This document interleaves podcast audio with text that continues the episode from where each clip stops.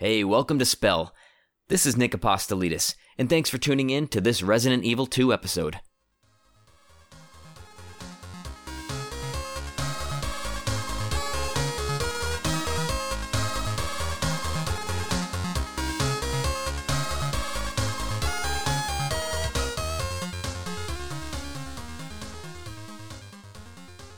Hallais, og hjertelig velkommen til spill.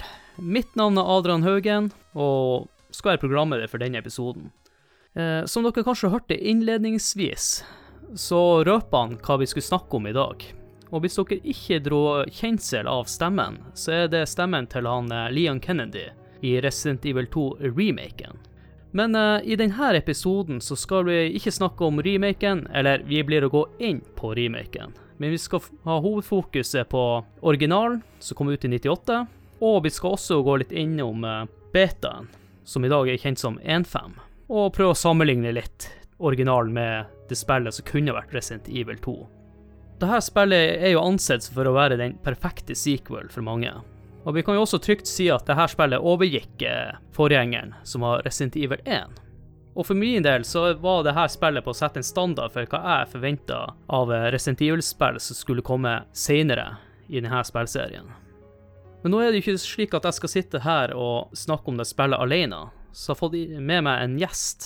Han var med på episoden som kom ut i fjor, der vi snakket om forgjengeren, Resident Evil 1. Og hvis dere ikke hørte den episoden, så anbefaler dere å høre den nå, for der går vi litt mer i dybden på ideene bak selve spillserien.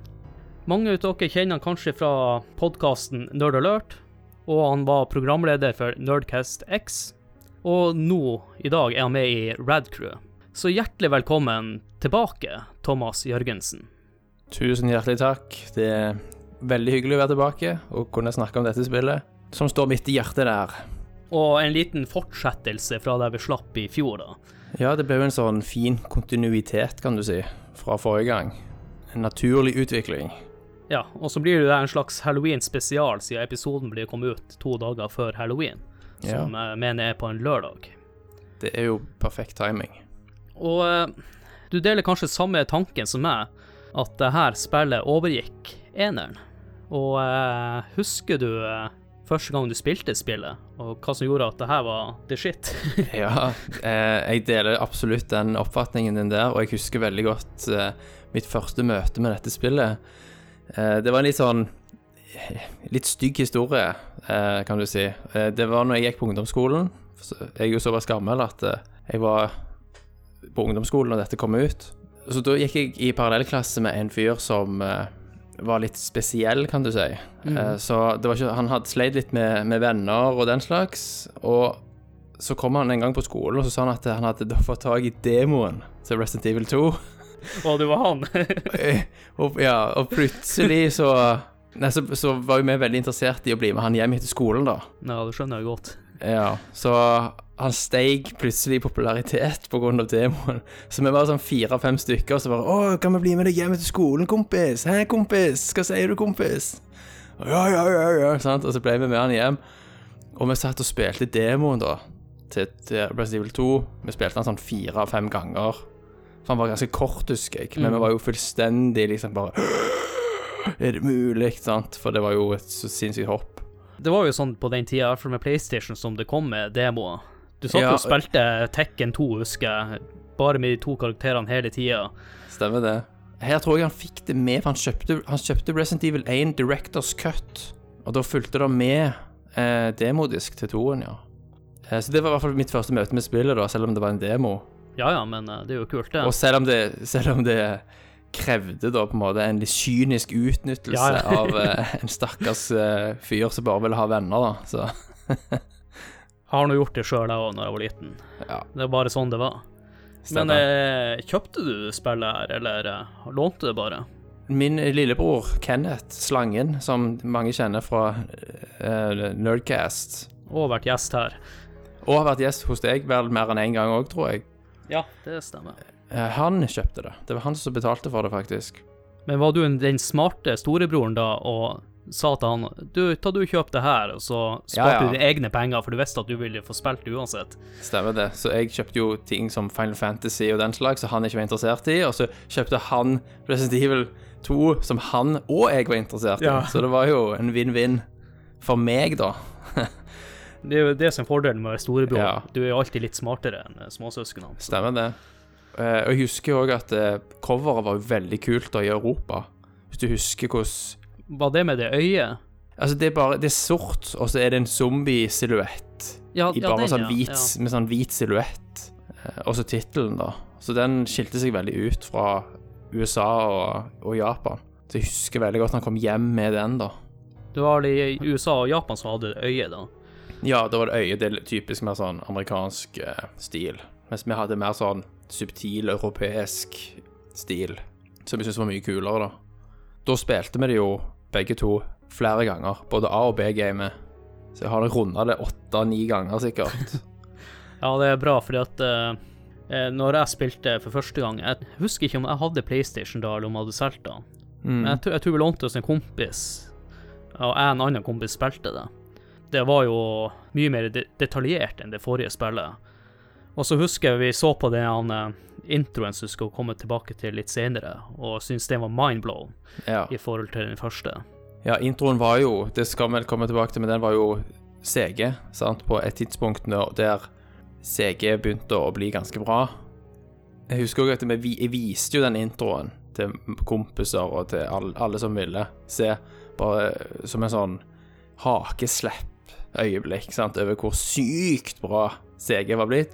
Og alle var jo enige om at realtime-grafikk kommer aldri til å bli så bra. Ja, stemmer. Jeg tenkte på det faktisk når jeg kjørte hjem i, i dag, at uh, på den tida så trodde man aldri skulle få så bra grafikk på et spill, men jeg føler Nei, at vi aldri, aldri. kom Vi fikk aldri spill med den grafikken. Fikk noe som var bedre på GameCube og PlayStation 2, ja. Ja, stemmer det. Og altså, du kan jo bare tenke deg hvis vi hadde blitt vist Resident Evil 2-remaken da, det, så hadde vi jo ikke Vi hadde jo antakeligvis fått hjerteinfarkt, sant, og hadde ikke trodd det du så. Og med det så tror jeg egentlig bare setter i gang ordentlig med episoden.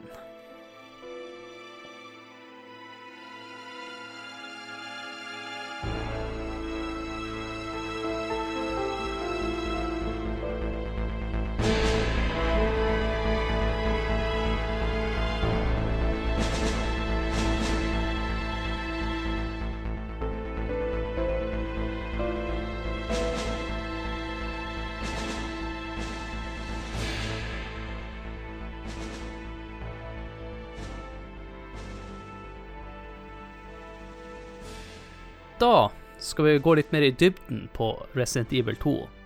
Men før det så er det kanskje litt greit å vite bakgrunnshistoria til spillet, og hvorfor det ble som det ble. Vi kan jo begynne med det som de fleste vet, da, at eh, spillet er utvikla og publisert av Capcom.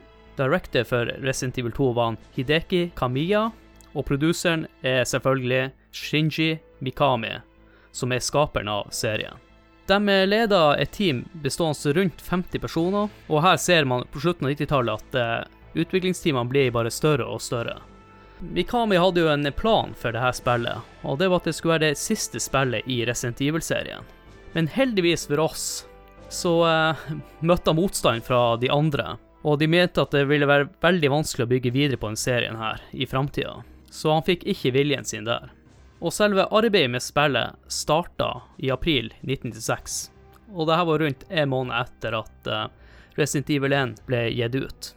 I utgangspunktet hadde de satt en releasedato allerede i mai 1997, men etter hvert skulle vise seg at denne datoen ville bli kraftig forskjøvet, av ulike årsaker som vi skal gå nærmere inn på nå, da. Cirka to tredjedeler inn i arbeidet, og de satt igjen med et eh, spill som var nesten 70% ferdig. Så begynte eh, utviklingsteamet å tvile litt på det de hadde skapt her. De følte at det var ikke noe som eh, stemte. Det var ikke den ordentlige Resident Evil-feelingen. Og han Mikami har jo sagt i ettertid rett ut at eh, spillet var dritkjedelig. Så i stedet for å gi ut et eh, spill som var dritkjedelig, så valgte de å eh, skrinlegge her prosjektet, som nå i senere tid er kjent som Resident Evil 1.5. Thomas, det som er litt spesielt akkurat i dette tilfellet, er at eh, i dag så ville de kanskje ikke ha skrinlagt et spill som var 70% ferdig, og starta helt på nytt igjen. Ja, kanskje. Det er jo historier om spill som er ferdig, nesten, som blir kansellert i dag òg. Eh, du har jo det der eh, Var ikke det Capcom, det òg? Det der Dragon Hva var det for? Det som skulle være til Xbox One. Jeg tror ikke jeg har fått med meg det. Det, var, det ble jo vist på E3, det var jo nesten ferdig, og så ble det skrinlagt, for de levde ikke opp til standardene til Xbox Game Studios. Men det er jo i hvert fall betryggende, da. Ja, det kan skje, og det skjer nok i større grad enn det vi vet. Det er bare at det snakkes gjerne ikke om spillene før de er i mye mer ferdig stand, da. Men det er selvfølgelig ikke vanlig, og det er jo penger i dass. Ja.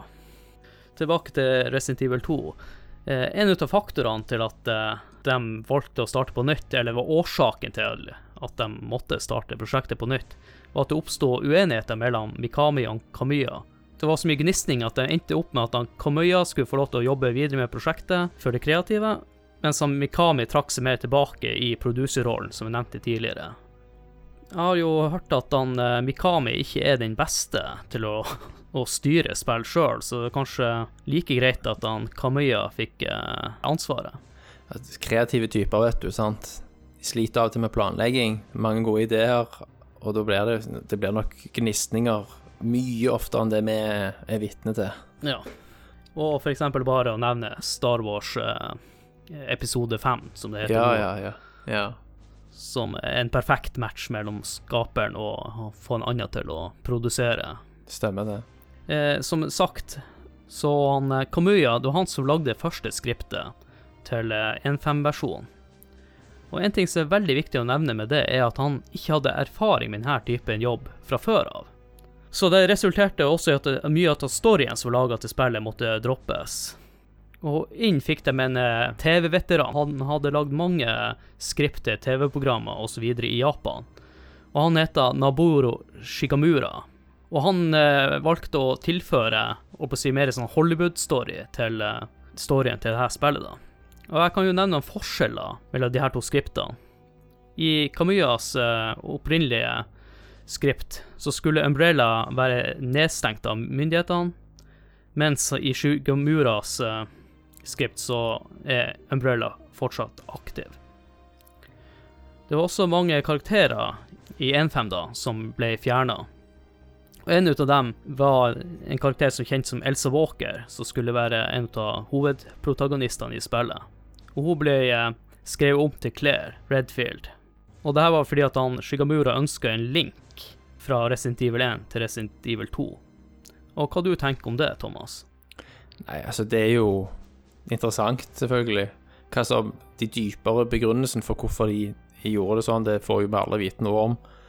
Og det er jo klart at i løpet av en sånn prosess så skjer det jo masse sånne omskrivinger og sammenslåing av karakterer og endringer. Mm. men selvfølgelig er jeg veldig nysgjerrig. Jeg skulle gjerne sett hvordan dette ville blitt seende ut, da. Jeg, jeg tror ikke at akkurat den karakteren hadde gjort så store endringer. Men Mm. Men vi kan jo gå litt nærmere inn på det litt senere i denne episoden. det, jeg skjønner jo fornuften bak det å ønske en karakter som linker til Resident Evil 1, sant? En annen ting som de valgte å ta med i Resident Evil 2, som ikke hadde fått med i Resident Evil 1, det var zapping-systemet. Og inspirasjonen til dette zapping-systemet fikk han Kamøya fra filmen Back to the Future 2. Og denne funksjonen ville gjøre det mulig for spilleren skulle få oppleve hva den andre co-protagonisten hadde gjort samtidig, i sin egen story, da. Så det medfører at spillet fikk en A- og en B-del. Eh, det zapping-systemet, hva du tenker om det, Thomas? Jeg syns jo det er stilig. Ehm, jeg mener òg har lest at det, at det opprinnelig var tenkt at det skulle være noe du skulle, skulle kunne gjøre når som helst i spillet. At du skulle, Ok. du skulle kunne zappe mellom de på eh, måfå, holdt jeg på å si. sant? Men så var det min, minne, minnebegrensninger i PlayStation som gjorde at det ikke gikk. Å ja, så han tenkte sånn GTA 5-løsning? ja, ja, mer sånn GTA 5, ja, at du kunne hoppe mellom de, da. Ja, det har vært interessant. Ja. Ja, men det var jo veldig originalt, syns jeg. det. Mm. Men vi ja, da, kan jo altså, det, det øker jo replay value, sant. Men på den andre siden så, så reduserte du òg lengden på, på spillet da, per A- og B-del. Ja. Sånn at når jeg eh, spilte liksom for åttende gang, så tok det ikke mer enn to og en halv time å spille gjennom. Sant? Fra start til slutt på A- og B-game. Du visste alt du skulle gjøre, så var det ganske kort, da. Og så tenker jeg litt senere i episoden så skal vi gå litt nærmere inn på hva er forskjellen mellom de to delene. Ja. Og så nevnte du, Thomas, i stad cutscenes. Det som spesielt i dette tilfellet var at de faktisk hadde spilt inn alle voicene på forhånd, før de begynte med cutscene-arbeidet. Noe jeg tror de gjorde motsatt i eneren, som er jo veldig kjent, den introen da. Ja, og De gikk også bort ifra å bruke FMV, som han Thomas eh, nevnte i stad, og i stedet gikk over til CG, og brukte stop motions-figurer som er rendra til et bilde med CG-verktøy. Ja, altså Det med stop motion der, det var helt nytt for meg. At de faktisk brukte det. Det, det vil jeg gjerne se litt mer av. Skal søke det opp etterpå på YouTube. Ja, jeg tror også jeg vil gjøre det. Ja. Og så en liten fact her på slutten var at han eh, George Romero, han som lagde alle zombiefilmer på 80-tallet, yeah. Night of the Living Dead, eller hva de heter, de filmene, han, han lagde faktisk en reklamefilm eh, for Resident Evil 2 for promotering av spillet. Og på et tidspunkt var han også tiltenkt som regissøren av Resident Evil-filmene. Men han fikk sparken pga. et dårlig skript, så da lurer jeg på hvor dårlig det egentlig var, med tanke på det vi fikk. ja, det kan du si. Ja. Uh, ja. Nei, skulle, den skulle jeg likt å sett. En Romero Resident Evil, det hadde jeg gitt mye for å se. Ja, hvis den hadde vært like bra som den første filmen, så tror jeg det kunne vært bra. Uh, ja, når det kom til markedsføringa, så brukte de faktisk mye ut av de screenshot-delene i spilleblader og sånne ting, var henta fra 1.5-versjon av spillet, og ikke eh, selve spillet. Ja. Og det, det er ikke første spillet som gjør det. Jeg husker i hvert fall Golden Eye. De hadde jo en eh, James Bond med en hvit eh, dressjakke som aldri var med i hovedspillet. ja, nettopp. Ja, fordi de, de sidene av PR-en skal sikkert være ferdig lenge før sant? Ja. spillet er ferdig. Og så, og så har du også last minute eh, cuts sant, som skjer. Så er det for seint å endre, og så får du litt sånne rare diskrepanser. Ja, så er det jo også naturlig med tanke på den eh, korte utviklingstida de brukte på det spillet her. Du må jo promotere i, i, lenge i forveien. Stemmer. Og spill kommer gjerne ikke helt sammen, vet du, før siste liten. Det er sikkert også det de gjorde med når du har 70 igjen, at uh, den siste 30 de, de, har sikkert ikke brukt så lang tid på den delen. Mm, Det er mm. mest sånn finpussing og Men Yes. uh, helt til slutt, da, så kommer jo dagen der Resident Evil blir utgitt, som var 21. januar 1998 i Nord-Amerika. Det er faktisk 80 dager før Japan-versjonen, Hmm. og det er ikke ofte man opplever. Og oss i Europa fikk spille 29. april i 1998. Og så kom det jo senere versjoner til PC, Nintendo 64, Dreamcast, GameCube Ja, og en hel bråte med konsoller. stemmer. Men uh, nå tenker jeg at nå har jeg prata såpass mye her, Thomas, at uh, du kan jo ta oss gjennom plott eller låren til spillet, da. Det kan jeg. Altså, dette spillet foregår jo da Det er vel to måneder etter Resident Evil 1 har eh, konkludert. Ja. Og da har jo viruset, T-viruset, har jo spredd seg sant, fra Mansion, fra 1 og til den, den nærmeste byen, som er den infamøse Raccoon City. Og den har jo spredt om seg i befolkningen der og gjort folk om til zombies. Eh, sprettes jo via rotter i kloakksystemet. Det, det ser vi vel på introen, hvis jeg ikke husker feil. Der er, Du ser noen rotter som springer og ja, så de forklarer det veldig, veldig raskt der. Det er vel flere cutscenes, tror jeg, som viser noen rotter i kloakksystemet, da. Så akkurat som svartedauden i Bergen, Ja. så får eh, rottene skylden for spredningen av T-virus i Resident Evil 2. Eh, og veldig tidlig i starten da, så får vi jo kjennskap til Leon S. Kennedy, som de fleste kjenner veldig godt nå i ettertid. Han har jo blitt med i Resident, flere Resident Evil-spill Ja. siden Resident Evil 2, da. Men her ser han jo nettopp eh, fersk fra Politihøgskolen, rookie cop, Rett fra, rett fra politiskolen. rett fra politiskolen, og skal da møte opp på første dag på jobb. Så vi kan vel si at han har da verdens kjipeste eh, første dag på, på jobb, eh, kan man vel tydelig, eller uten tvil konstatere. Eh, og samtidig så blir vi jo da kjent med Claire Redfield, student, unge dame, som da er på søken etter sin kjære bror Chris Redfield, som jeg husker fra Resident Evil 1. Så hun har jo mista kontakt med han. Siste hun visste, var at han befant seg i området. Så hun på en personlig quest for å finne broren sin. Og begge er jo da på vei til Raccoon City samtidig. Så er det jo her da på veien at de blir overrumpla av zombier, eh, og de møter opp. Eh, det er jo inne på en diner der i starten, på den Ja. cutscenen, sant. Eh, at Leon redder Claire i siste liten, selvfølgelig. Skyter seg ut av denne her dineren, hiver seg inn i en politibil. Eh, slår seg sammen, rømmer, kjører mot eh, Raccoon City. Så selvfølgelig kolliderer de på veien. Så blir de òg eh, påkjørt bakfra av en trailer, der trailersjåføren har jo blitt bitt, da, sant. Ja, jeg kom jo bare på i fart at før du ser Chris og Claire, så ser du at han trailersjåføren blir bitt av en zombie og kjører og bare Fy faen, for en gal fyr. Det er det de, ja, de tror bare det er en fyr som Ja. De skjønner ikke hva som skjer, da. Som er gal. Mm. Så han rammer de i bilen. De kolliderer jo, og tankbilen han har jo selvfølgelig tilfeldigvis en tankbil full av drivstoff, Ja. den eksploderer jo da. Og så er de på hver sin side av denne eksplosjonen, sant. Ja. Og så roper de til hverandre da at de avtaler at de skal møtes på, møte opp igjen på politistasjonen. Så det er jo sånn de på en måte splittes opp i starten. Eh, og det er jo der A- og B-gamet kommer inn. sant? Det er jo når du starter A-gamet med den ene eller den andre, så starter de da på den ene siden, og B-gamet på den andre siden. Eh, og sånn starter jo spillet, da. Så resten av spillet er jo da basically å at de skal slåss seg gjennom eh, byen, finne ut hva som har skjedd, redde seg sjøl, og for eh, Claire sin del så er det jo òg å finne broren og redde han.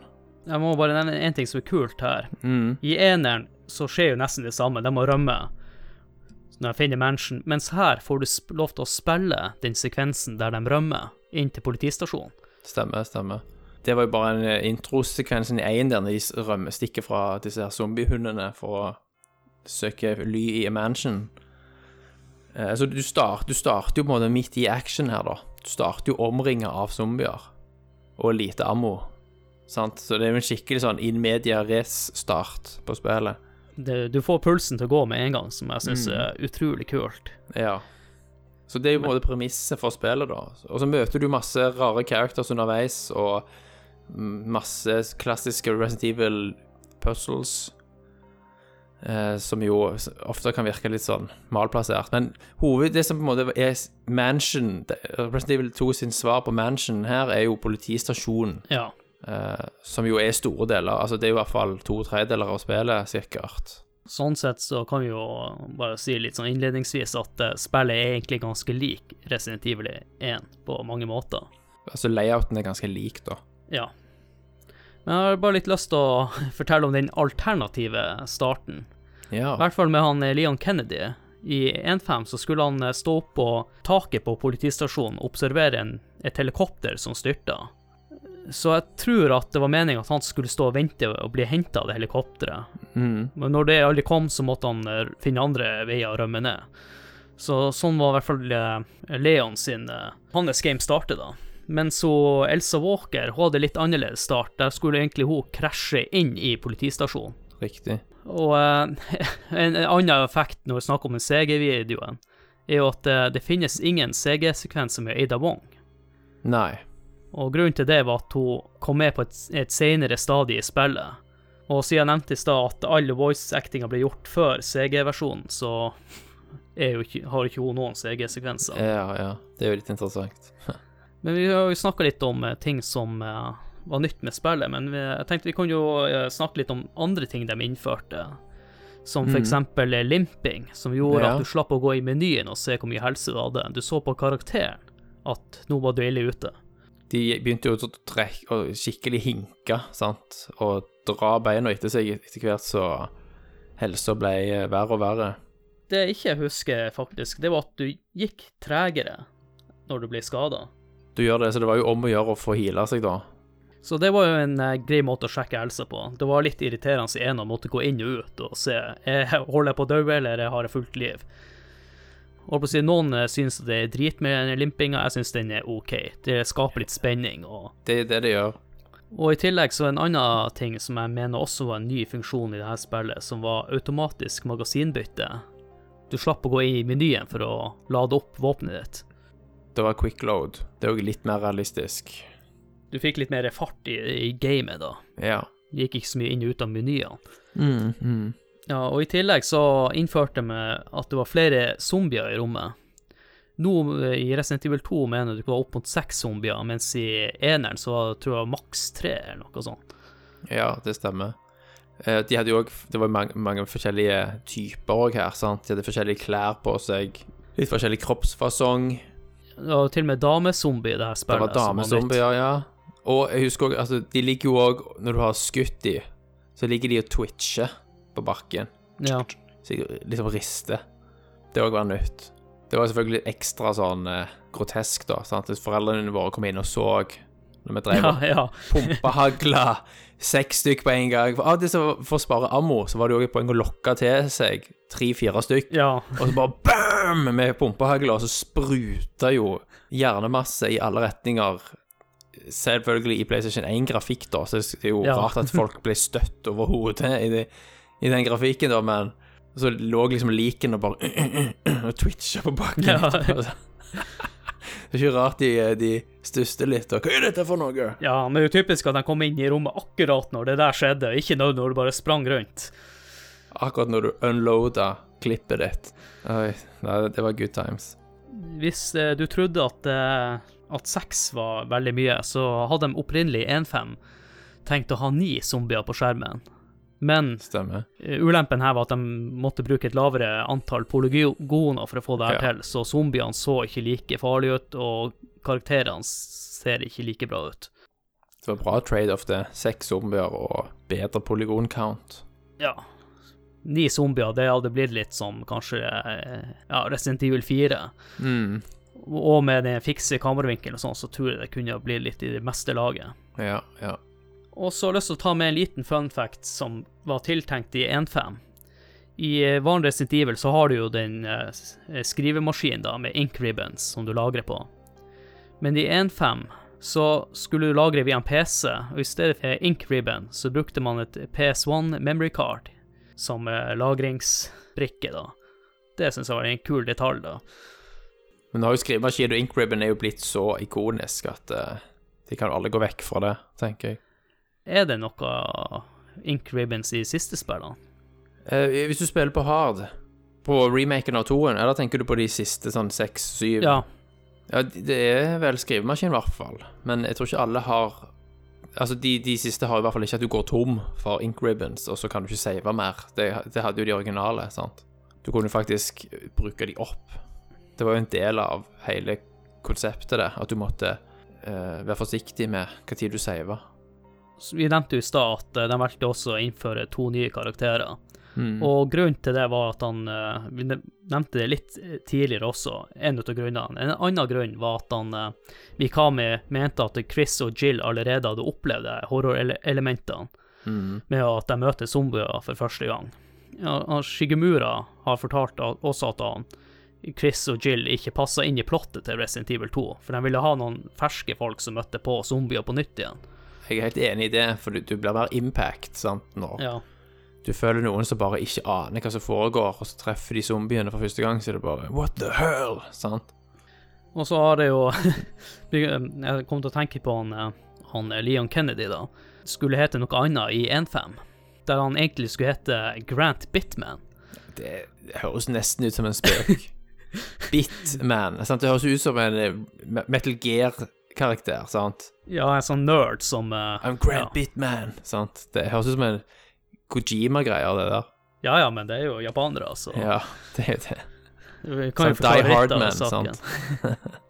Men som jeg nevnte i stad, så var også at tiltenkt han skulle være en mer erfaren eh, politimann, som hadde jobba i mange år da.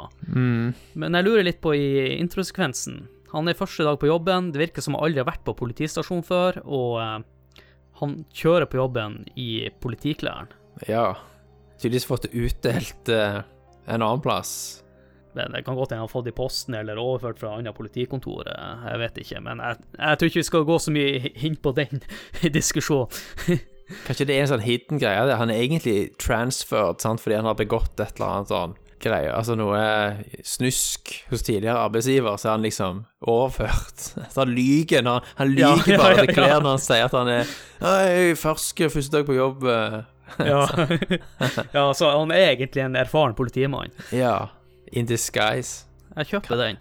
Ja.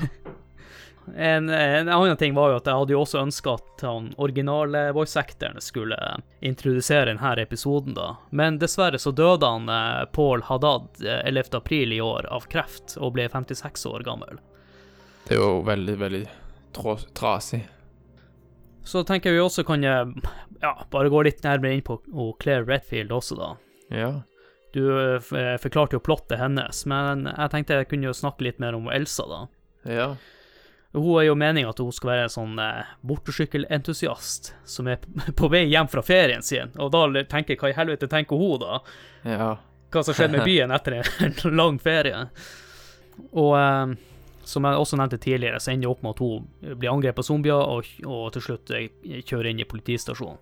Mm. Men eh, før hun heter Elsa, så hadde hun faktisk et annet navn. Og det var Rachel Spire, tiltenkt denne rollen. Og Spire, er det et navn du husker? Spire. Dukker det opp i andre spill, eller? Ja, i Resident Evil 1 så har du han uh, Forrest Spire. Ja, i Bravo-teamet, ja. Stemmer. Så de hadde jo tenkt å linke med en annen person også. Litt spesielt å linke til en som kun er bare sånn Død. død, ja. Nevnes vel bare i, på et papir en eller annen plass. Det var også noe jeg fant ut nå, nå nettopp, da, så jeg syns Ja. det var en litt artig fact. kul fact, det, ja. Men det er jo litt eh, flere forskjeller på de her utenom kjønnene. Mm. Eh, Vi kan jo snakke litt om eh, hva de egenskapene er, da. Det er jo typisk ved Evil at det er litt forskjellige skillsets sant, på, mellom karakterene. Det husker vi jo fra Aiden òg. Masher of Unlocking, for eksempel. Sant, Jill. Uh, her så starter jo Leon Han har jo en lighter, da. Mens Claire har en lockpick. Ja, så hun er vel også en eh, master of Hun er en master of unlocking, hun òg. Ja. Så det, det blir jo litt forskjell på hvilken rekkefølge du kan gjøre ting på, sant. Mm. Men det er hovedsak det som er forskjellen i starten, i hvert fall, på utstyr. Ja, og så syns jeg jo litt greit at uh, det er litt kult at de har forskjellige sånn spesialfeatures, da. Som som gjør at ikke du føler at du spiller gamet to ganger. Mm, Endelig har jeg en lockpick, nå kan jeg komme inn døra her og sjekke hva det er for noe. stemmer. Men lighteren, eh, hva man brukte den til? Hva gjorde du med den? Du kunne vel ikke tenne på zombier det Nei, for det var, det var ikke før i remaken av 1 at det var en mekanikk, sant? At du Ja. satte fyr på dem for de ikke skulle komme tilbake. Så jeg kan ikke huske hva lighteren faktisk ble Nei, brukt det, til. jeg tipper kanskje det er en liten quest der som jeg ikke husker. Ja, det må jo være noe sånt. Men eh, jeg tenkte vi kan også gå litt nærmere inn på den, det zapping-systemet. Det var vel òg i den 1.5 at det skulle være eh, Det var allerede på plass der, sant? Greia her med 1.5-en var at uh, originalt så overlapper de litt hverandre, mens i 1.5 så ble de ikke påvirka av hverandre i hele tatt. De hadde Ja. to forskjellige storyer Mm. som som var veldig ulike. Så jeg er litt usikker på om de i, i det hele tatt skulle møte på hverandre. Ja, nettopp. Og når vi er inne på zapping-systemet og A- og B-delen for hver karakter Mm. Vi kan bare nevne litt raskt eh, litt ut av de forskjellene på A- og B-gamen. Det var jo to disker som markerte sant, at det var to forskjellige games. Det var jo sånn at hvis du starta Leon A, sant, starter Ja. du da på venstre side av ilden, for å si det sånn. Og hvis du starter Claire A, så starter hun òg på venstre side. Ja, stemmer. Sant? Mens B-gamene er på høyre side for begge to. Det, det, det er litt forvirrende, sant? Eh, nå skal det sies på forhånd at eh, det siste jeg sjekka nå, det er Claire A og Leon B. Ja. Og det er så det som er ansett som den, den eh, rette måten å spille på, eller den virkelige hovedstoryen. Men både Claire A og Leon A er på samme side av den eksplosjonen i starten, og vice versa med B-game. Så det er jo fire games, sant? Ja. I hermetegn, da, games, fordi at to av de er jo like. Nesten 100% sant? Ja, nesten. Det er noen detaljer som jeg tenkte jeg skulle gå, komme tilbake til. Og i tillegg så har du jo forskjellige bosser i A- og B-gamen. Mm. Eh, Du har items som du plukker opp i A-gamen, som kanskje ikke er med i B-gamen. Ja. Så du jeg husker i hvert fall når jeg, når jeg spilte da jeg var liten, så sa han kompisen til meg Ja, ikke ta den ammoen der, vi skal Det må vi spare til neste game, vi har ikke bruk for den nå. Så måtte jeg allerede da rasjonere litt på eh, itemsene i spillet. Mm. Du kunne ikke være grådig. Ja, og i tillegg så bytta noe ut av de faste itemsene lokasjon i spillet, med Ja. A- og B-gamet. Og i tillegg så dukka fiendene opp andre plasser enn Så det gjorde jo også at du kunne bli skremt i allikevel. Ja. Og Det det, tror jeg egentlig er en eh, veldig lur funksjon, da. ja, det er det absolutt. Men, for, men, men forskjellen på A, A versus A-game, Leon A, Claire A Ja. Forskjellene der var jo minimale, da.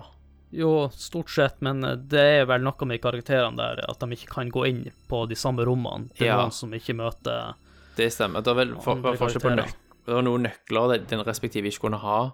Ja, for eksempel Claire, hun kan jo ha sånne eh, steintablåer. Mm. Det er hennes nøkler, mens han eh, Leon har jo de berømte sjakkbrikkene. Stemmer. Så det er sånne små greier, da. Men det, det, er stor, det, det, er ikke nok til at du kan si at det er to forskjellige Nei, Sånn som A og B er liksom vel, ganske forskjellige, selv om de converger på et tidspunkt. men eh, det er uansett litt sånn små detaljer, så du følte ikke at du spilte samme game fire ganger, for å si det sånn. Du følte at det var forskjell mellom hver gang du spilte det. Ja, og så selvfølgelig den største forskjellen er jo at det er jo B-gamet som gir den, den skikkelige slutten, sant. Ja. Når du tar siste boss på A-gamet, og kommer til samme plass på B-gamet, så fortsetter jo spillet etterpå. Ja. Og så kommer du til den virkelige siste bossen på toget. Svær slimklump ja. som bare suger seg mot deg, ikke sant? Og det, er jo forskjellig musikk på rulleteksten på A- og B-gamet. Ja, det er det. Sant? På A-gamet så har du en sånn rolig pianoballade som jeg anbefaler folk å søke opp på YouTube, en dritfin. Mens på B-gamet, den skikkelige slutten, så er det liksom en rockelåt som er ganske fet òg. De, de låten der blir kanskje å være i pausemusikken her. Ja, det hadde vært fett. De er på B-gamen, og Leon snur seg til kameraet og sier Hey, it's up to us to take out umbrella. Jeg tror vi kanskje avslutter med den låta, hele episoden. Ja, det må du gjøre. Så, ne så neste pausemusikk så blir kanskje avslutningslåta til A-gamen. Veldig bra. Det er en treat. Men det var jo også en annen ting som er, vi er nødt til å snakke om, det er jo det visuelle, Mhm. selve spillet. Eh, designet og looken på ja, alle omgivelsene der man er, de hadde lagt inn mye mer detaljer i alle de prerendra bakgrunnene enn i eneren. Yes. Verden så mye mer eh, livlig ut. Masse små detaljer som man eh, normalt sett ikke legger merke til at de bru- brukt tida si på. Ja. litt kritikk mot eneren er jo at kanskje alle områdene er ganske sånn Det er lite som skjer i bakgrunnen, det er bare flate vegger med en farge på, og that's it. Mens her Mm. hadde du litt sånn uh, gasskanne, you name it, som gjør at spillet ser mye bedre ut, syns jeg. Det var mye mer bevegelse, ja. Det var mye mer animasjoner. Ja, Det var ikke så statisk som vi var vant med. og uh, det her er jo også en viktig grunn til at de valgte å gå for de her løsningene med mer detaljer og sånn, det er jo fordi at de i 1.5 så ble spillet veldig sterilt, siden det var en mer moderne politistasjon. Og det er også en av hovedgrunnen til at man gjorde om politistasjonen til en gammeldags eh, Det er egentlig et gammel kunstbygg, eller sånn Eh, Et museum var Ja. det jo. Et ombygd museum. Men så vidt jeg husker, så er det kun i remaken at det blir sagt og, og fremstår logisk. Ja, OK. Eh, ellers bare husker jeg ikke at det, ble nevnt. Fordi jeg husker at synes alle syntes jo det var rart at det var en politistasjon med masse statuer sant, du kan skyve på og låse opp dører og sånn. Alt virker liksom bare veldig sånn merkelig. Men det blir med en gang mye mer logisk hvis du legger til grunn at det er en ombygd, et ombygd eh, museum, sant. Ja. Det gjorde at spillet ble mye kulere, men også for at de kunne linke opp Resident Evil 1 med Resident Evil 2. Mm. Eh, Jeg har jo sett litt på eh, 1.5-versjonen finnes der ute på nettet. Jeg sett litt på YouTube, og det ser veldig kjedelig ut med det han eh, Jeg får den litt ned Die Hard-feelingen. Die. Hard 1-feelingen oppe i korridorene der. Mm. De gjorde mye rett med å velge det, at det skulle være et gammelt museum, fordi at eh, det, det skapte den mystikken som du hadde i ena. Og også en liten ting som mange har bitt seg merke i, at det finnes ikke et eh, toalett inne på den politistasjonen der. Ja, det òg er jo påfallende. Men det som er viktig når man spiller Resident Evil, ikke tenk på de her tingene. Men det er ikke bare politistasjonen i spillet her. Vi snakker jo også litt om eh, starten med bybildet. Det er jo også kule detaljer der med at alt brenner, og du føler at det har vært kaos i byen. Ja, du gjør det. Utrolig mye eh, bra arbeid i de prerendra bakgrunnene der. Mye mer levende, sant? Ja. Og samme med- gjelder jo med undergrunnen, den kloakken og laben og fabrikken og alt det der. Absolutt. Er, er det noe jeg savner som jeg burde ha tatt med i det spillet her? Så du burde hatt med i spillet? For meg så er det perfekt, altså. Hvis vi kan hoppe bare så vidt tilbake til det med AB-game, Ja. så, så En vesentlig forskjell var jo dette med Mr. X, da. Sant? Tyranten. ja, det var en ny, ny dimensjon i selve gameplayet. Og han var jo Kom jo kun i B-gamet, sant? Ja. Eh, og det ga jo en helt annen form for skrekk, da. sant? De som husker Resident Evil 2-remaken, så er jo han med hele veien. Det er ikke noe A-B-game der. Nei. sant? Eh, så han er jo med om du spiller Claire eller Leon, men her så måtte du først komme til B-gamet før det kom, og det at han fulgte etter deg, og at du aldri var trygg, og at han kunne komme når som helst og ta deg, det var jo horribelt skummelt. Det fucka meg så totalt opp. ja jeg klarte ikke å spille B-gamen ordentlig da jeg ble yngre. Ja, for du kunne aldri slappe av. sant? Du kunne ikke liksom bare føle deg trygg. En, en liten effekt der er at jeg har ikke tort å spille Resident Evil 2-remaken på grunn av hvis at han var I hælene på deg. Ja, nei, jeg blir så stressa, jeg klarer ikke å slappe av. Det, så jeg, Nei. Så remaken har sett noen andre spille. Oh. Men uh, en ting jeg har i hvert fall bitt meg merke i ettertid med den designen her, at den er prikk lik eneren. Bare at du spiller der du rømmer inn i politistasjonen. Politistasjonen er huset. mm, Og så har du jo undergrunn og labområdet, som også egentlig er ena, bare utvida litt større og litt lenger. stemmer. Enkelte partier. Ja. Er det noen eh, favorittområder du har inne på politistasjonen, eller på noen av de banene? Jeg elsker jo selve den foajeen på politistasjonen. Ja, den som har ei brannstige for eneste måten å komme seg til andre etasjen på. Ja. Du kan hente meg en kaffe, og så må du klatre opp den stigen der. ja, ja, ja. Det er jo helt fantastisk arkitektur. Ja, men det er jo litt stilig det klippet når du kommer inn der, men en statuen som Ja. uh, Minner meg litt om uh, på en måte, når hun kom til New York. Uh, det er jo sinnssykt bra musikk der òg. Nei, jeg er enig med deg, det er jo en veldig kul plass, men min favorittplass er Stars-kontoret. Ja. Det er så masse detaljer der. Der finner du jo pulten til Barry Burton sant? og flere andre Wesker og gjengen. sant? Du finner jo ut at eh, det er noen som har eh, Eller Wesker sin plass er helt terpa. Ja. For de har jo kommet hit etter uh, Resident Evil 1-episoden har skjedd. da. Stemmer, sant? Så det er tegn der etter hva som har skjedd før. Det er veldig kult. Og så har du jo det lagbildet, og så i tillegg så er det en liten detalj som kanskje ikke mange har lagt merke til, men du har en, ei lita eske attmed den ene pulten, som jeg tror er Jill eller eh, han Chris sin pult. Der finner du det lite sånn gullemblem som du bruker en puzzle i eneren. Ja, det er jo veldig kult. Vi kan jo snakke litt mer i detalj om uh, hvordan storytellinga utvikler seg, og Nei, du må bare kjøre på. Ja, her vil jeg si at eh, Eller fordelen med å lage Resident Evil 2 så nært Resident Evil 1, er at de hadde Resident Evil 1 enda i tankene. Så eh, det som er litt kult her, er at eh, du blir kjent med to karakterer i starten, men du møter veldig mange personer, og mange av de personene her bidrar mer i, i selve spillet enn det han f.eks. Barry Burton og Wesker gjorde i Resident Evil 1. da. Ja. Så det er jo stor variasjon på noe av de fiendene du møter. Leon og Claire har tilgang til forskjellige våpen og forskjellige slutter, ja. og storyene er litt annerledes. Ja, det er større variasjon, sånn sett. Altså, det er mye mer, det er mye mer enn i én, på alle måter, sant? Bigger, better. Jeg kommer jo på nå at eh, for eksempel i Leon sin del, så er det to personer du møter der som du aldri møter i Claire sin game. Som er jo Ada, Wang og han Ben, han er journalisten. I fengselscellen der. Ja. Claire hun møter to personer som han eh, Leon ikke møter, eller ene er ikke helt sant, da. Det er jo Sherry og han politimesteren. Og du, når du spiller Claire òg, så er det jo en sekvens der du spiller som Sherry, Ja. og i motsatt spiller som eh, Ada når du er, spiller Chris. Nei, Leon. De har hver sin sånn minigame og det var jo ikke i ena. Nei. Men jeg må jo ærlig innrømme at jeg er ikke så fan av de sekvensene. I hvert fall ikke Sherry sin. Nei, hun tåler jo ingenting, sant. Så det var lett å, å gjøre feil der, for hun skal bare snike seg forbi zombiene. De resirkulerer jo litt det i Resident Evil 4, sant, med hun presidentdattera som skal springe rundt. Det er heller ikke min favoritt. Nei, det er så ikke-. Nei, det er superstress. Du har liksom hjertet i halsen hele veien. Men generelt sett i spill, sånne oppdrag, det er det verste jeg vet. Jeg syns det er dødskjedelig. Du har jo lik likkeren òg her i dette spillet, ble jo introdusert. Jeg skal ikke spørre om eh, hva er din favorittsekvens i spillet her. Ja, altså, jeg har, jeg har i hvert fall tre sekvenser som gjorde stort inntrykk. Det første er jo når likkeren Likker CG-sekvensen. Eller før det så kryper det jo en likker veldig raskt forbi et vindu. Husker du det? Sånn, Ja, men det er ikke så mange som får det med seg. Nei, for det skjer veldig fort. Så det setter liksom stemningen.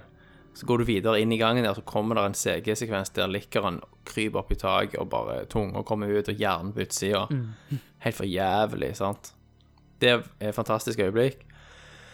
Husker du òg det der øyeblikket med den eh, eh, avhørsrommet med sånn dobbel... Nei, enk, dobb, ja, hva heter det? Sånn vindu du kan se gjennom på ei Bare gjennom på ei side. Sånn avhørsvindu. Og så føler du For du skal forbi det vinduet og hente noe på andre sida, så er det bare sånn OK, noe faenskap kommer til å skje når jeg går forbi det vinduet, sant?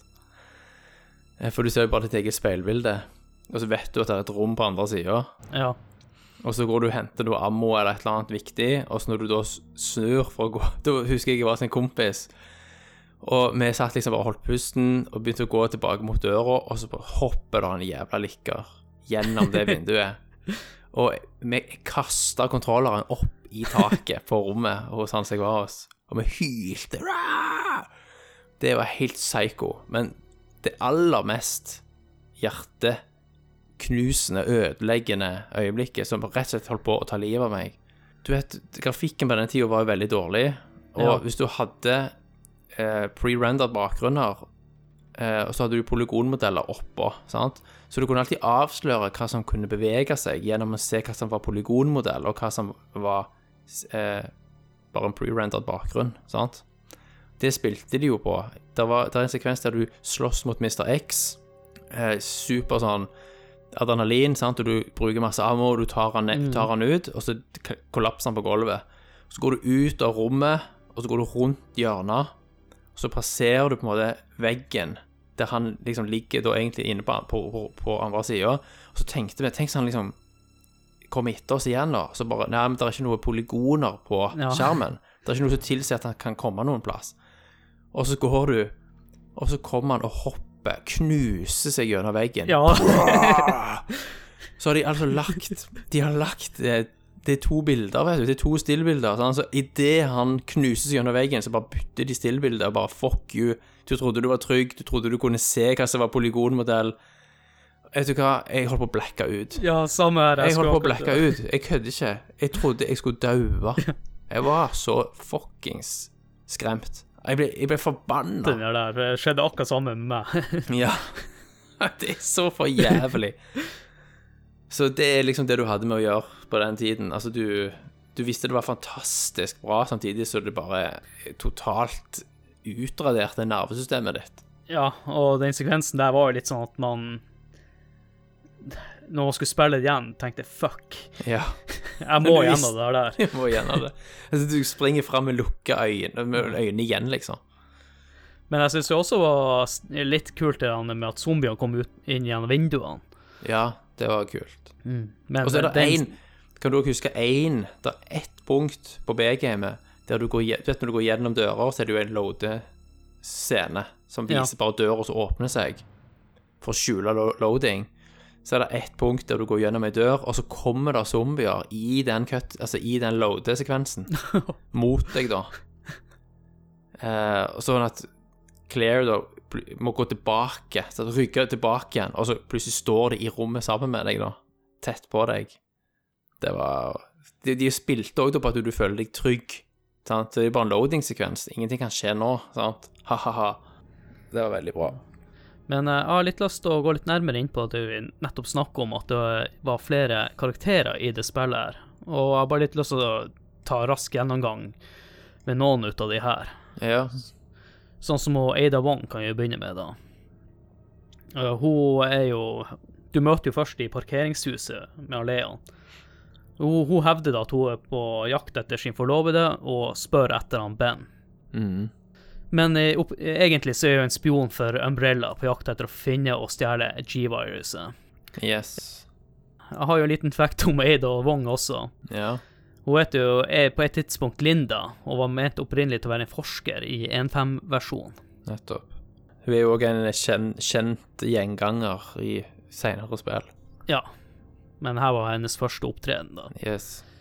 Det jeg også likte med introduksjonen av karakterene, at du skjønte med en gang at hun her var shady, men du visste ikke hvorfor. Mm. Og det skapte en ekstra dimensjon til storyen, da. Ja, det var sånn fem fatal. En veldig kul karakter, da, syns nå jeg. Eh, jeg vil også lyst til å nevne han Marvin, han politimannen du møter i tidlig politistasjon. Eh, han var egentlig tiltenkt å ha en mer aktiv rolle i 1.5-versjonen. Jeg tror også han kunne joine deg enkelte plasser, hvis jeg ikke tar helt feil. Uh, ja. I 1.5, ja. I, origin, eller i toa, da, så han jo, ligger han vel bare skada og gir deg Yes. et uh, nøkkelkort. Ja. Truer deg med pistolen sin òg. Just go! Ja, også det, er det er faktisk han som forteller bakgrunnshistoria til spillet. Yes. Ja, og så har vi han eh, William Birkin, som eh, er boss i det spillet her. Og han blir jo angrepet av eh, noen Stars-soldater som prøver å ta livet av han, for at han er jo han som har funnet opp, eller står bak G-viruset, da. Og i den situasjonen så ender han opp med å injektere seg sjøl med G-viruset. Stemmer. Og Sherry har vi snakka litt om, men hun er jo dattera til han, William og Annette. Og Annette er kona til han, eh, William Birkin. Yes. Men en liten uh, fact med henne, at utseendet hennes er inspirert fra Jodie Foster, Ja, av alle. som kanskje mange kjenner fra uh, Silence with the Lambs, er det den heter? Den? Ja. Nettsvermeren på norsk. Eller, eller Contact for geeksene among us. Mm. Og heldigvis så valgte han å bruke utseendet hennes, og ikke hva heter han, Buffalo Bill. Ja. Det hadde faen vært creepy, han Buffalo Bill springende der inni. ja, det hadde gjort seg. Og så har vi jo han eh, Ben, som vi nevnte i stad. Han er jo en eh, journalist, da. Men han hadde også tiltenkt å ha en større rolle, men ble skrevet ut pga. tidspress. Og en annen som også skulle ha større rolle, var han Brian Irons, som er politimesteren. Ja. Som er en korrupt jævel og også tatt livet av eh, dattera til borgermesteren. Stemmer. Men i 1.5 så skulle han ha motsatt rolle, da. Han skulle være en snill politisjef. Ja. Som eh, skulle være en slags sperrerolle for Elsa Walker. Han har jo like av hun der denne dattera på pulten sin, basically, når du treffer på han. Ja, det er jo veldig creepy i det rommet. I tillegg så har han jo masse sånne eh, hjortehoder og diverse på veggene. Han er ikke helt god, der. Nei, det er en veldig creepy scene. Og så til slutt så vil jeg nevne en som vi ikke snakket om i stad. Du møter han helt i starten, da. Robert Kendo. Han som er- eier våpenbutikken og blir drept av zombier. Yes. De fleste vet sikkert om, om det, men, men du kan gå tilbake dit og hente våpenet hans. I eh, Leon sin game så mista han i hagle, og i Claire sin game mener han mister ned han eh, armbrøsten. Stemmer, stemmer. Men jeg har jo selvfølgelig en liten fact på Robert Kendo òg.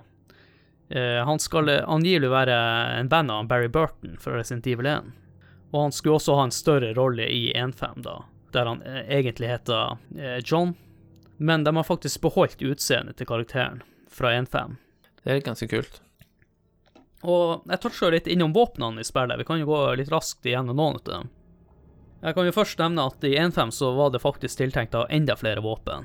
Blant annet fire forskjellige pistoler, flere typer body armor, og din body armor vil også være synlig på karakteren. da.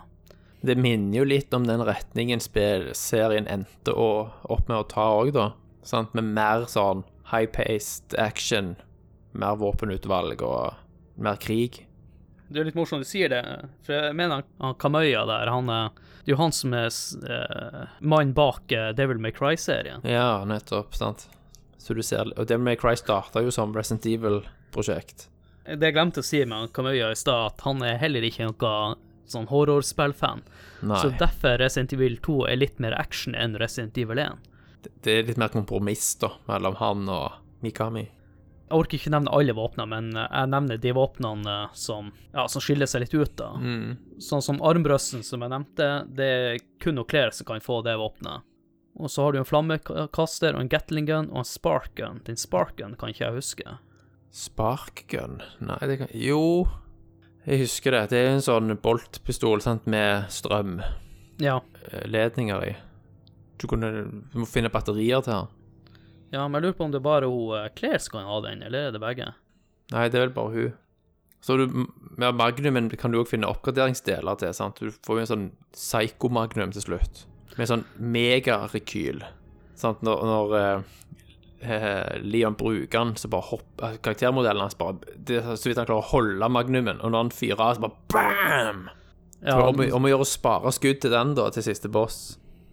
Jeg må bare spørre deg om det. Jeg husker når jeg og kompisen spilte, jeg brukte å spare på de eh, magnumskuddene. Så når du hadde tatt bossen, så hadde du sånn 40 patroner igjen. Det stemmer. Det er klassisk Resident Evil-ting. å sitte igjen med altfor mye. Ja, samme. var Altså, jeg hadde jo for vane å- Ja, hvis jeg bomma på skudd og sånn òg, ikke sant For det var jo så tank controls at du, du hendte jo at du bomma.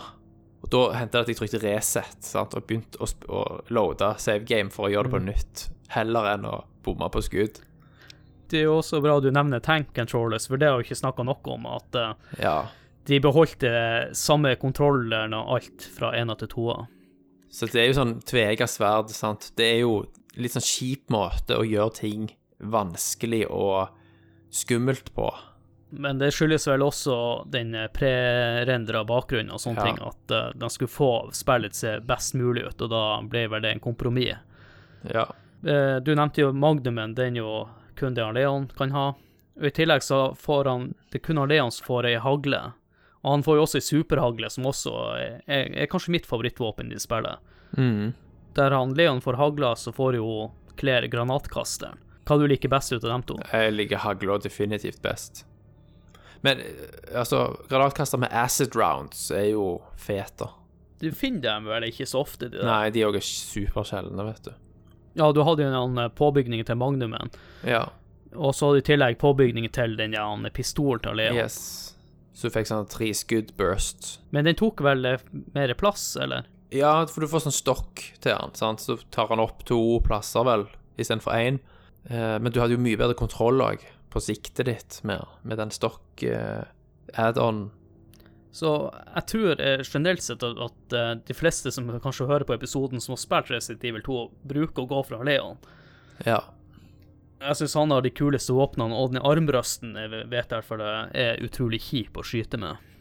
Det er flere våpen i spillet, sånn som eh, Mach 11 maskinpistolen og en Colt og Men eh, jeg orker ikke gå gjennom alt. Neida. Så jeg har lyst til å nevne en liten eh, en kul ting i, som du kan gjøre i spillet. Hvis du stiller han Leon i riktig retning mot kamera og skyter med hagla, så vil du få kulehold på selve screen da, i noen få sekunder. Det er ganske kult.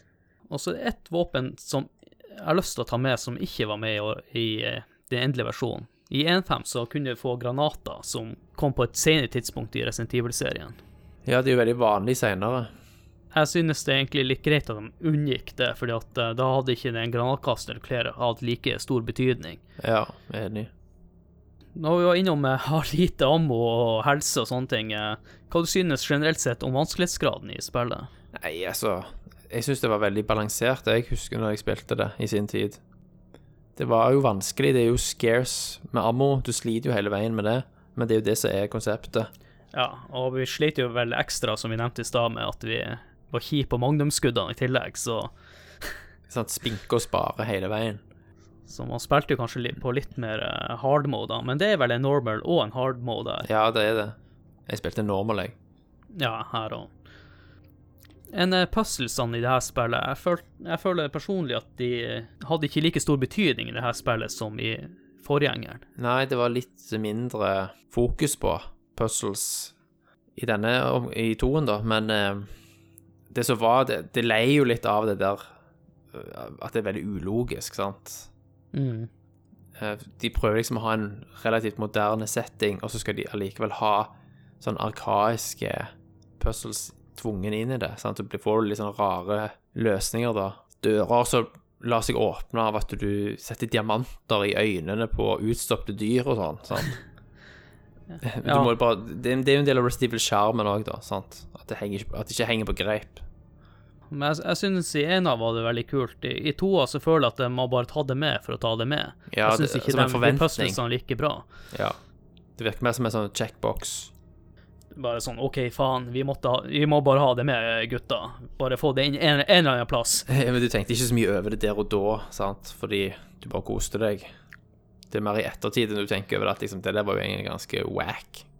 Men eh, på den andre sida igjen, så kanskje derfor vi likte spillet også, at de Jeg er jo glad i puzzles i spillene her, men at de hadde kanskje en bedre balanse, tror jeg. Mm. Det stoppa ikke så mye opp gamet, for jeg husker i ena så kunne du jo slite dritlenge med puzzles, for det ene var jo fordi at uh, kanskje puzzlesene var litt vanskelige, men for det andre så var jeg jo kjempeung og spilte Resident Evil 1. Du var ikke like smart da. Du var ikke det? Det er jo en annen ting som er veldig viktig i Resident Evil, og det er jo fiendene i spillet her. Ja. Vi var jo inne på likkerne og Ja, zombiene, selvfølgelig. Det er jo en del andre ting òg. Ja, vi har vært innom han uh, Mr. X. Ja, fuck han. Så har vi noe plantemonster, eh, bikkje og Jeg føler ikke det var like bra utvalg av fiender, men fiendene igjen så forskjellige ut. Sånn som vi nevnte med zombiene i stad. Alle hadde litt forskjellig utseende, og det gjorde at eh, spillet føltes litt mer eh, Holdt på å si Det var ikke så gjentagende og repeterende til fiendene, sånn som i eneren. Du, du har jo den der giga-alligatorscenen òg. Ja, Så han dukker jo opp en gang, en sånn monster-alligator som er stor som en skyskraper, da. Ja, men jeg lurer på om, om den ble med som en liten hyllest til eneren, der du har flere bosser der som er mer bare gigantiske dyr. Ja, det kan godt være. Det var helt absurd størrelse på den alligatoren, i hvert fall.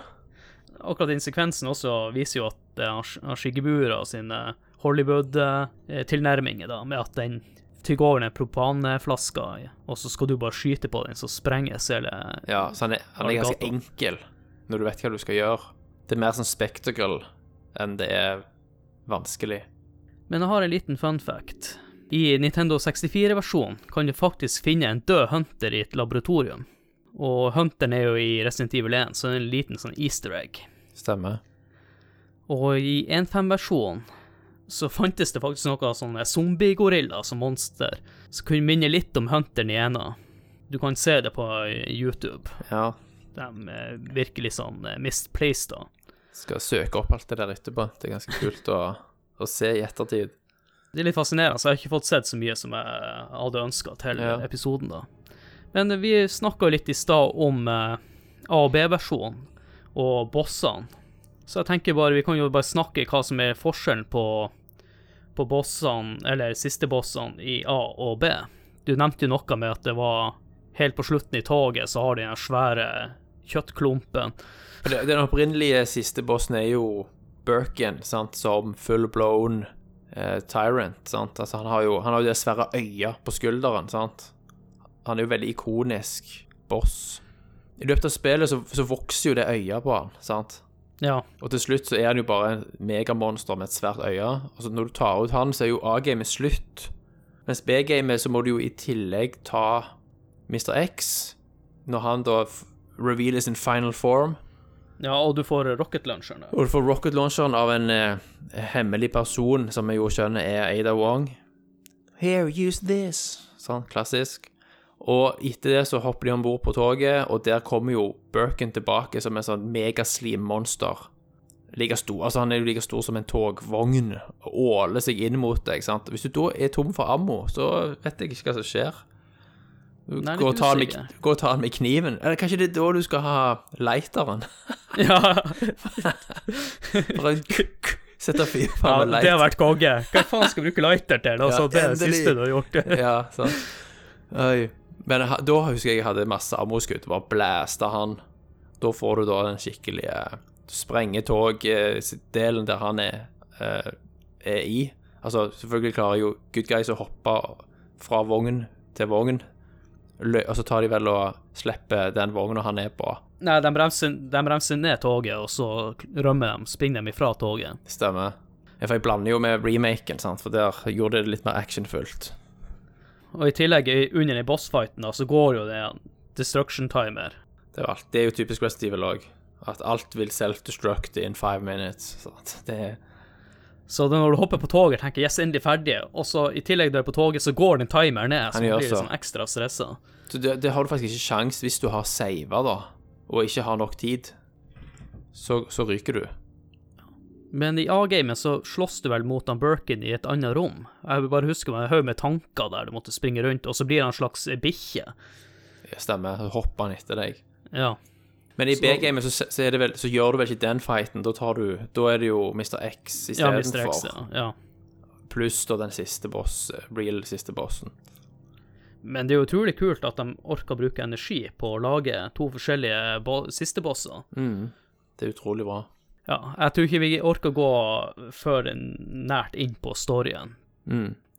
Noe må lytterne også sjekke ut sjøl. Ja, Ja. Det er Vi jo Evil, ja, vi har avslørt en del, men eh, vi Ja. orker ikke gå gjennom alt. Pluss at det er jo Resident Evil, sant, og storyene der er jo bankers, sant, uansett. Men eh, jeg føler uansett at det, de klarer å gjøre historien litt spennende i det her spillet. Ja. Så, så det som også var litt kult med spillet her, du kan jo låse opp ting her òg, som i det forrige spillet. Jeg kan jo nevne to karakterer. Du kan jo begynne med Hunk, som også er kjent som Default Survivor. Her må du klare A- og B-game, pluss få en A-rank på en ut av gamene. Han er en eh, Umbrella-operatør, da, som har en liten DLC-minigame som du kan låse opp, da. ja, stemmer. Jeg husker første gang jeg så det her, du, det er jo en liten cutscene der du kan se der det blir fortalt hva som skjer med han William Birkin, og da er det jo to sånne stykker som kommer inn i rommet og blir noe skyting, og en del blir drept. Og Jeg har spilt. Hunk, men jeg, har, jeg, jeg tror jeg så mest på at noen andre gjorde det, faktisk, enn jeg spilte det sjøl. Ja, jeg husker ikke helt om du Du har vel ingen Du får ikke noe ammo eller noe sånt, Nei, så det er sant, jo det er jo- jævla vanskelig. Det er ballehardt, vet du. Og den andre karakteren som alt jeg bare har hørt om, jeg har aldri sett før nå i, for noen dager siden, det er han Tofu. Her må du klare uh, uansett game seks ganger og få en avrenk på en av de gamene. Og du spiller som en Det ligger litt i navnet, som en gigantisk tofu. Og når jeg så det nå på YouTube Herregud, hvor dårlig laga han er. Jeg er glad Ja, ja. for at aldri klarte å få han tofu. Ja, altså, det, det ser ut som det nærmest bare er en Han ser ut som et såpestykke. Et såpestykke, ja. Altså, det, at, det en, at det bare er en helt basic polygonmodell, og så bare Hva ligner det på? Det ligner egentlig på stykket med tofu, la oss kalle det det. Det er ikke lagd for å være det, det er bare noe som ligner på det. Sant? Egentlig drit. Jeg har ikke Ja. tenkt å ha det med. Nei. Så får dere bare skrive inn her i, i kommentarfeltet på episoden hvis dere er uenige. Mm. Og så er jo klassiker eh, i Resident Evil. Du får eh, våpen som rocket launcher, eh, Gatling gun og den der, eh, maskinpistolen mm, som får uendelig ammo til. Det er jo kult. Det er kult, men det blir fort lett og Det kjedelig. lett, ja. Men det, kul, altså, det gir deg en grunn til å bare springe gjennom spillet. sant? Ja, ja. Bare kose deg og ikke være så redd. Og, og det som er litt kult med de her, de her tingene, er jo at uh, gjorde også at spillet levde mye lenger enn det normalt sett hadde trengt å gjøre. da. Mm. For du visste at det her var noen ting du kunne låse opp. Og så I tillegg så får de jo forskjellige kostymer, der han eh, Leon får en skinnjakke med ja, skjeletthode og noe kamobukse. Ja. Men i Nintendo 64-versjonen så får han eh, to andre kostymer, som er en er en skinnvest eller noe sånt, okay. og en Stars-uniform. ja. Og Claire får en bikerjakke med ørn bakpå. Og i 1964-versjonen får hun lilla bikerjakke og en Colt. Cool. Alle spilte den. Nei, eh, eneste jeg kom på her, er at eh, for å, å få låst opp de klærne, så må du drepe en zombie før eh, du kommer til politistasjonen. Knivstikke han tusen ganger, så får du en nøkkel. Nei, jeg vet ikke om det er tusen ganger du skal si Ja. knivstikke, men du må bruke god tid. Og han fyren er faktisk en Ja, Stars-medlem. det her med den gule jakken. Ja. Du går ned trappene på sida i starten, og så er han der. Brad eller noe sånt. Eh, Føler du at de har fått snakk snakke om det, det meste nå i Resident Evil 2? Jeg føler vi har uh, gjort rent bord. Hvis uh, noen er uenig, så får de hyle. Det er sikkert noe vesentlig vi har glemt, og noen sitter og hører på dette og hyler inn i høyttalerne bare Hvordan kan dere glemme sånn? Ja. Ja, men uh, sånn er det uansett. Og Ja hvis noen har lyst til å spille originalen, så vil jeg anbefale PC og Dreamcast-versjonen. Den er mer oppskalert og har, ja, ser rett og slett best ut. Ja. Og en liten fact er jo med Dreamcastens Det memory-cardet der har jo en liten sånn eh, LCD-skjerm. ja. Og der viser han in game-våpen, ammo og helsestatus. Det er kult. Ja, det er jævla kult. Ja.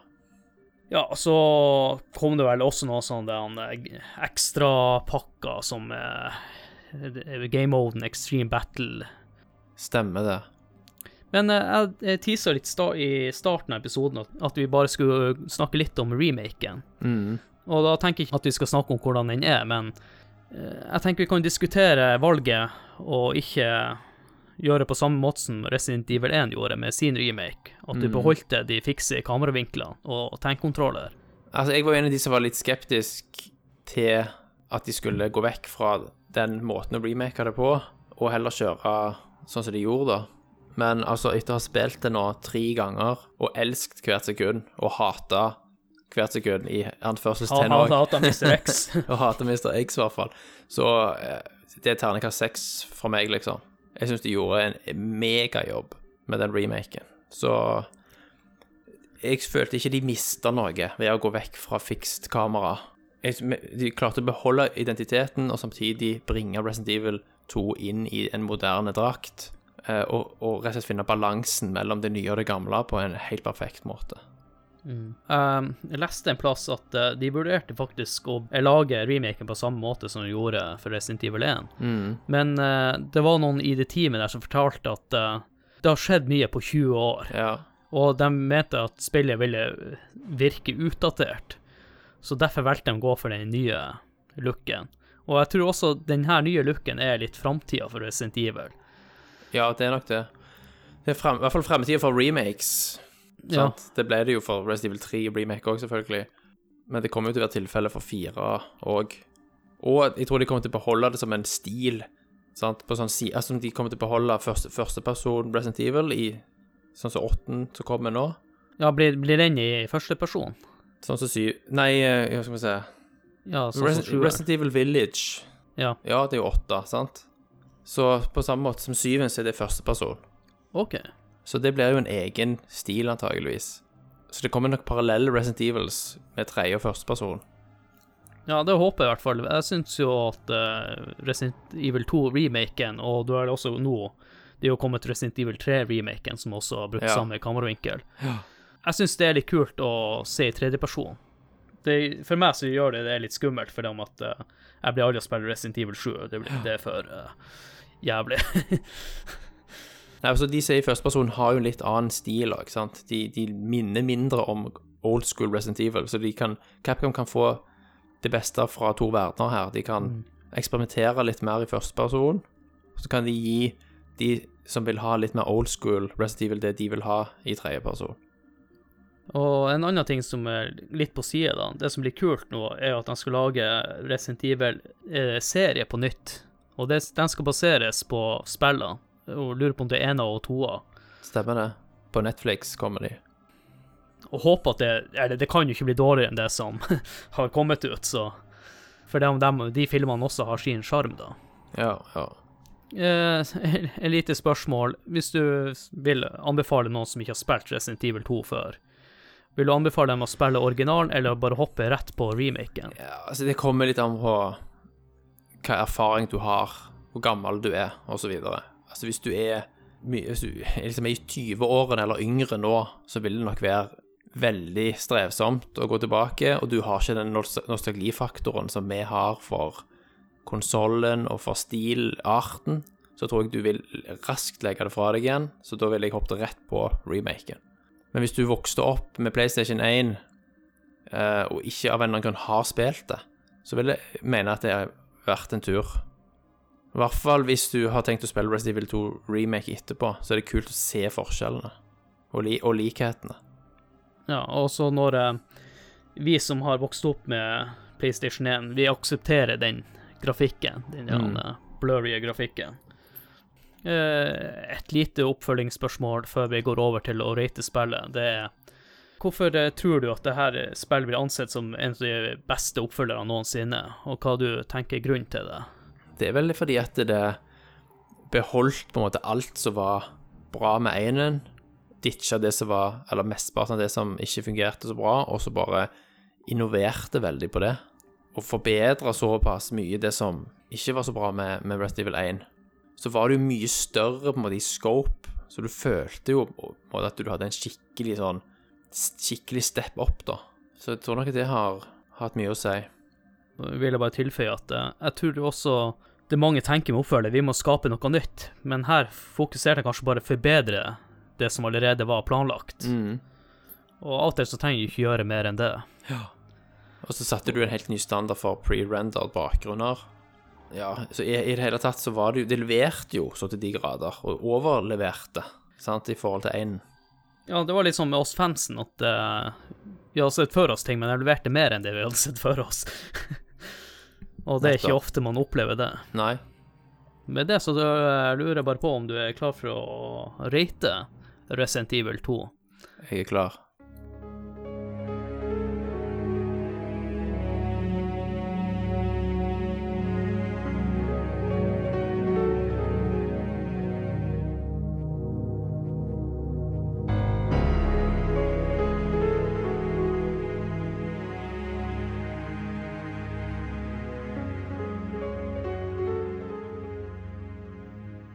Som jeg nevnte før uh, musikklippet her, så skal vi rate Resident Evil 2. Og vi setter karakteren ut ifra en skala fra 1 til 10 etter Nintendo-magasinet sine kriterier. Og bedømmer spillet ut ifra de her punktene, som er grafikk, lyd, spillkontroll, underholdning og holdbarhet. Og vi begynner med grafikk, Thomas. Hva har du lyst til å gi der? Altså, for meg så er det så unikt uh, uttrykk i det spillet, og det gjør så mye ut av den hardwaren det kjører på. Så ja, jeg, jeg må si ni på grafikk. Og jeg gir det ut ifra en sånn blanding av hva det var da, og hva det er for meg nå. Sant? Det blir en sånn hybridvurdering. Ja, jeg tenkte jo egentlig å gi det åtte. Og, men så tenker jeg egentlig på jobben med alle prerendra bakgrunner, alle detaljene de tilførte, Ja. og med på å skape inn stemninga, så jeg gir det også en ni. Mm. Og neste punkt er jo lyd, og vi har ikke snakka så mye om lyden der, så du kan jo begrunne litt nærmere hvorfor du gir den karakteren du gir. Så hva har du lyst til å gi på lyd? På lydavdelingen så var det jo litt sånn Altså, alle spill på PlayStation 1 sleit jo med lydchipen der, sant, som ikke var den aller beste på, på lydeffekter. Så det kan være litt sånn lite variasjon i lydene. Eh, det er jo selvfølgelig mye eh, zombie groans og så videre. Eh, men det er veldig fet musikk, da. Utrolig stemningsfull musikk. Du vet den der eh, musikken som kommer når du er inne på et save room. Ja, den er jo ikonisk. Ja, og da vet du at du er trygg. Og hele soundtracket er veldig bra, men selve lyddesignet er ja, ikke så veldig bra. Så jeg lander på en åtter der. Fordi at musikk, altså, det som musikk er, Mm. er veldig, veldig bra. Men det trekker ned da med at lydeffektene holder seg dårlig. Jeg har bare lyst til å si med en gang at eh, den musikken fra save-rommet blir musikken før den spalten her, da. Ja, det er bra. Så den musikken dere hørte, er den save room-musikken Thomas snakker om akkurat nå. Kult. Jeg deler også mye av de samme synspunktene som deg med lyden. Jeg syns du begrunner såpass bra at jeg gir det en eh, åtter. Og så kommer vi til den berømte tankkontrolleren. Hva du synes om den? Nei, den er jo Er det sagt mye om. Det var bedre i toen. Og i toen så hadde du òg at du kunne eh, raskt snu deg 180 grader. Sånn quick turn. Det hadde jo veldig mye å si, sant? Så ut ifra at de gjorde det beste de kunne med det de hadde, samtidig så de påtvinger deg et kontrollscheme eh, for å gjøre det skummelt via, via, via at det er vanskelig å styre, så jeg tenker vel syv, kanskje. Ja, jeg er helt enig. Jeg gjør det også en syver. Jeg tenkte på det, eller Det var egentlig den karakteren jeg tenkte først på når vi starta den spalten her. Så Stemmer. stemmer. tankkontroller får aldri noe mer enn syv hos meg. Nei. Så enkelt er det bare. Ja. Og neste punkt er underholdning. ja, det er jo en glatt ti av ti. Jeg har spilt det åtte ganger, det er en grunn til det, liksom. Eh, Selv om det har liksom skremt livskiten ut av meg, så Det, det er jo bra underholdning når du klarer å tvinge gjennom Mr. X der. det er det. Eh, for meg som eh, spiller, så er ikke han som tør å spille det her eh, noe særlig. Men jeg liker å se på at andre også spiller det spillet. Mm. Jeg gir det tid. Når du klarer å sitte og se på noen andre spille og føle deg underholdt, da er det et bra spill. Det er det. Det er det absolutt. Og helt til slutt så har vi holdbarhet. Altså, i forhold hvordan, hvordan det har elda seg, ikke sant Det, det har jo ikke eldes med grace, sant, fordi den spillmediet utvikler seg så vanvittig fort. Sant, så hvis du vil liksom oppleve i overført, i moderne betydning, det som vi opplevde da, så må du jo spille remaken. Da kan du føle det som vi følte når dette var nytt. Så at holdbarhetsmessig så er det vel kanskje en sekser, vil jeg si. Vil du gå så lavt? Ja, jeg må gå så lavt på holdbarhet. Hvis du spiller det igjen i dag, så er det Det er en Kom igjen, jeg, lidelse. jeg, jeg er nå sju, i hvert fall. Seks og en halv, da. Ok, du skal seks og en halv. ja. Hvis du er så streng, så velger jeg å gi åtte, sånn at okay. det blir, det. Ja, men det er greit, det. Ja, ja, for greia er at vi skal ha en Goti-episode helt til slutt, og da skal vi kåre årets spill, Ja, som vi har snakka om. Ja, Så jeg gir den en åtter på Ja. trass. Jeg- ja men det er bra. Du, du er for Du er framsynt til Gotien. Jeg kan ikke havne så langt ned på listen, rett og slett. Eh, Ja, og da er vi jo kommet til eh, veis ende, da. Så da er det bare for meg å eh, pitche podkasten. Måten å støtte spill på er rett og slett å tipse venner eller kollegaer eller bekjente som dere tror kan være interessert i å høre om eldre spill og nyere spill. Så har vi en Discord-kanal. Gjerne join community der. For eksempel nå Når dere hører den her, så blir det for tre uker siden. Så uh, joina jeg han uh, Håkon eh, og spilte Among us med dere lyttere og flere. Det var utrolig morsomt.